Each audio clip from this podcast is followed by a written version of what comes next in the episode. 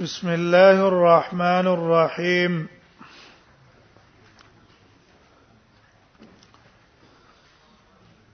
باب ما جاء في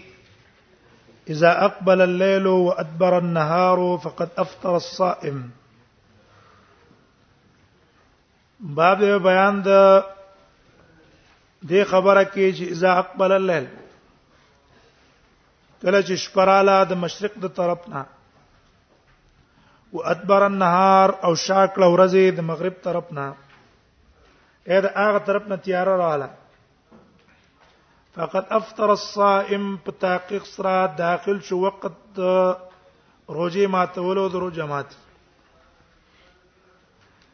دې باب کې مصنف رحم الله مقصد او مطلب دا ده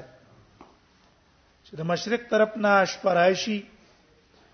او مغرب طرف نه نور ډوب شي اگر که هغه طرف ته په افق کې رڼای دغه د سرواله د نور خو ډېر رستو غایبیږي کنه اې دي خیره او چې تا ته پته ولګی چې غروب شو او ور غروب به د افق نه یا چې نه چې د غره یخته او سلور بجستان انور پنا شو ته بس نور پریوته ده نه هغه طرف نشپه ده چې دلته نور په دې کناره پریوته نو پاغه کناره سره راځي شپه راځي نو دا وخت درو جماعتي داخل شو درو جماعتي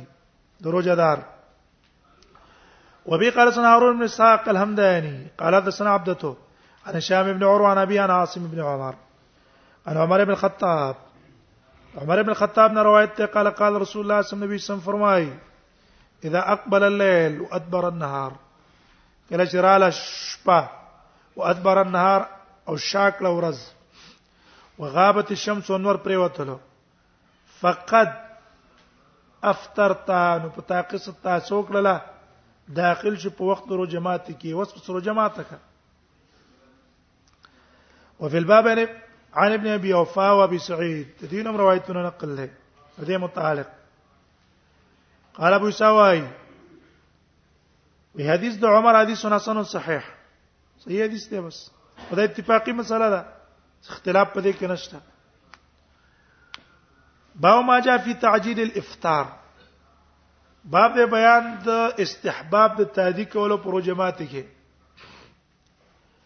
زړه روجمات کې تاخير نه کوي بلکې تهدی پکې کوي دا غي استحباب چې ته پکې تهدیو کې او زره ماته کې دا بیانېږي في تعجيل الافطار وبي قال سنة بندار قال سنة عبد الرحمن بن مهدي عن سفيان عن ابي حازم واخبرنا ابو مصعب قراءة عن مالك بن انس عن ابي حازم عن سعد بن سعد قال قال رسول الله صلى الله عليه وسلم فرمای لا يزال الناس بخير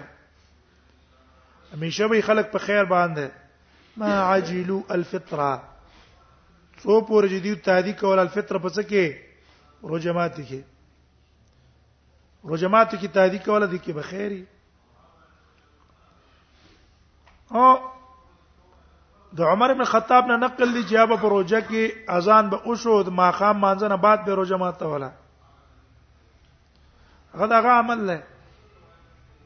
هغه عمل له نبی صلی الله علیه وسلم رجمات کې څه کوا یا کې دې شي روزه ځکه ما ته ول چې مخکې ته شي ونه نو توس ما خام شو تاسو څنشته چې روزه په ماته کې نو بشته نه کجوره شته او بلار روان نو په لبه دې روزه پاتې نو کله مند شو بس په ماته کا وفي الباب عن ابي هريره وابن عباس وعائشه وانس بن مالك قال ابو سعيد حديث سالم بن سعد حديث سالم بن سعد حديث حسن صحيح سيد استه هو الذي اختاره اهل العلم من اصحاب النبي صلى الله عليه وسلم او دا غوړه کړه ده علما او اصحاب د نبی صلی الله علیه وسلم او غیرهم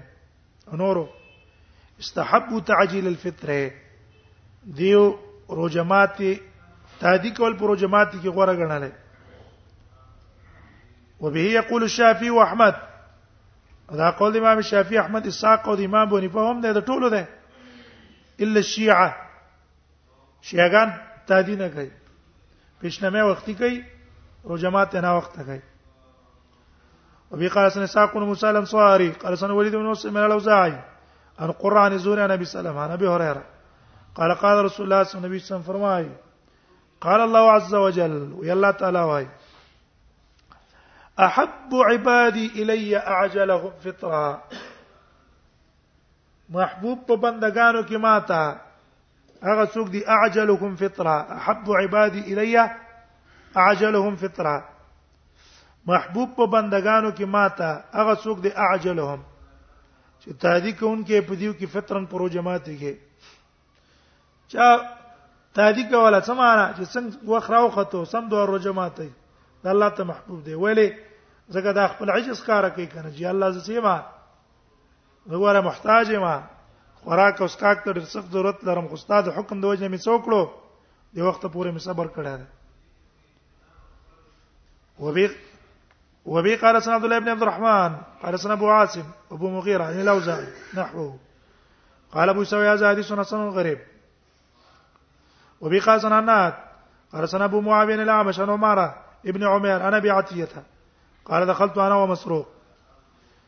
ولاړم ز او مسروق په عائشه رضی الله عنها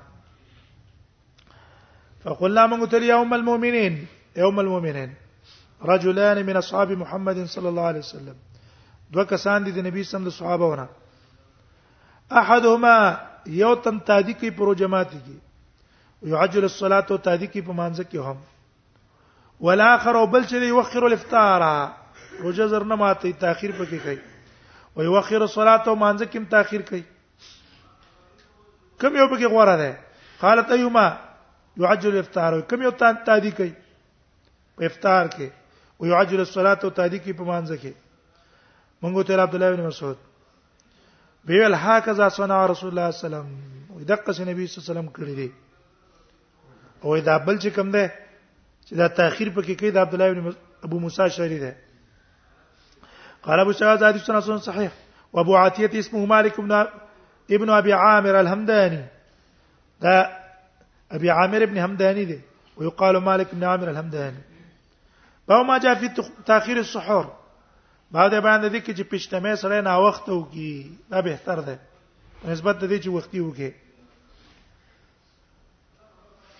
وبي قال سيد ابن موسى قال سيد ابو داود التيالس شامد السوين قتاده انس عن زيد بن ثابت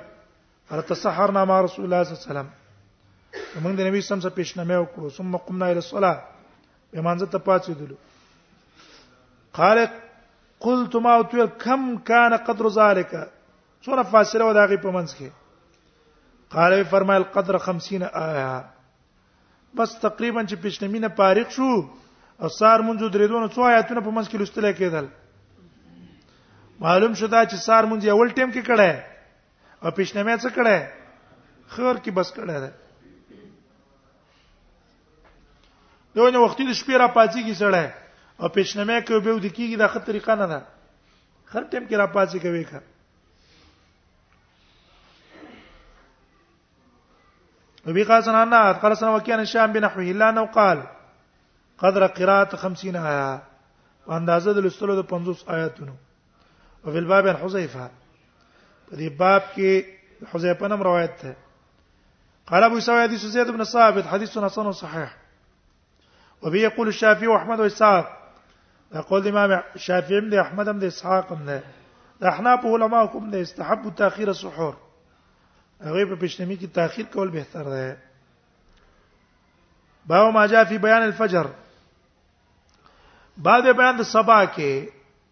اے روزه به کله بنده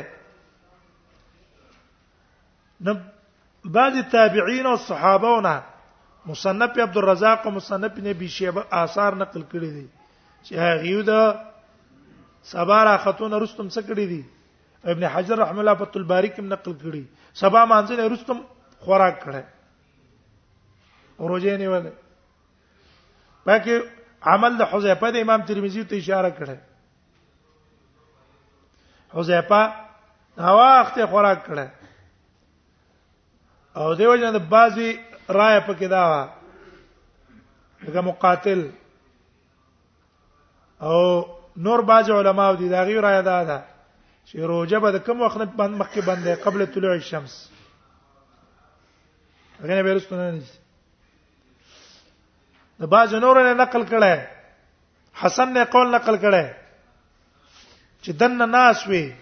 کور کې او سبا نه راختلې شک دي سبا براخته او کني راخته وې بس په شک عمل مکه او خوراک وکا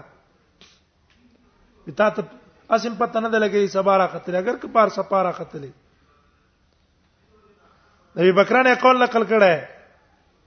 ویل به دروازه مو کولاوي چې موږ ته پته نه لګي سبا راخته حتی يتبين الفجر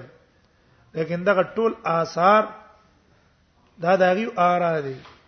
مرفوعنا مخالف دي نبی صلی الله علیه وسلم وی چې اذا اقبل الليل ليل دا سبا د دې نه راوخی چې مستطير بیا به څنګه کوي بس خراس کاک بنه کوي ها تبین پکې راغله چې خط پته ویږي سبا پوره راوخیږي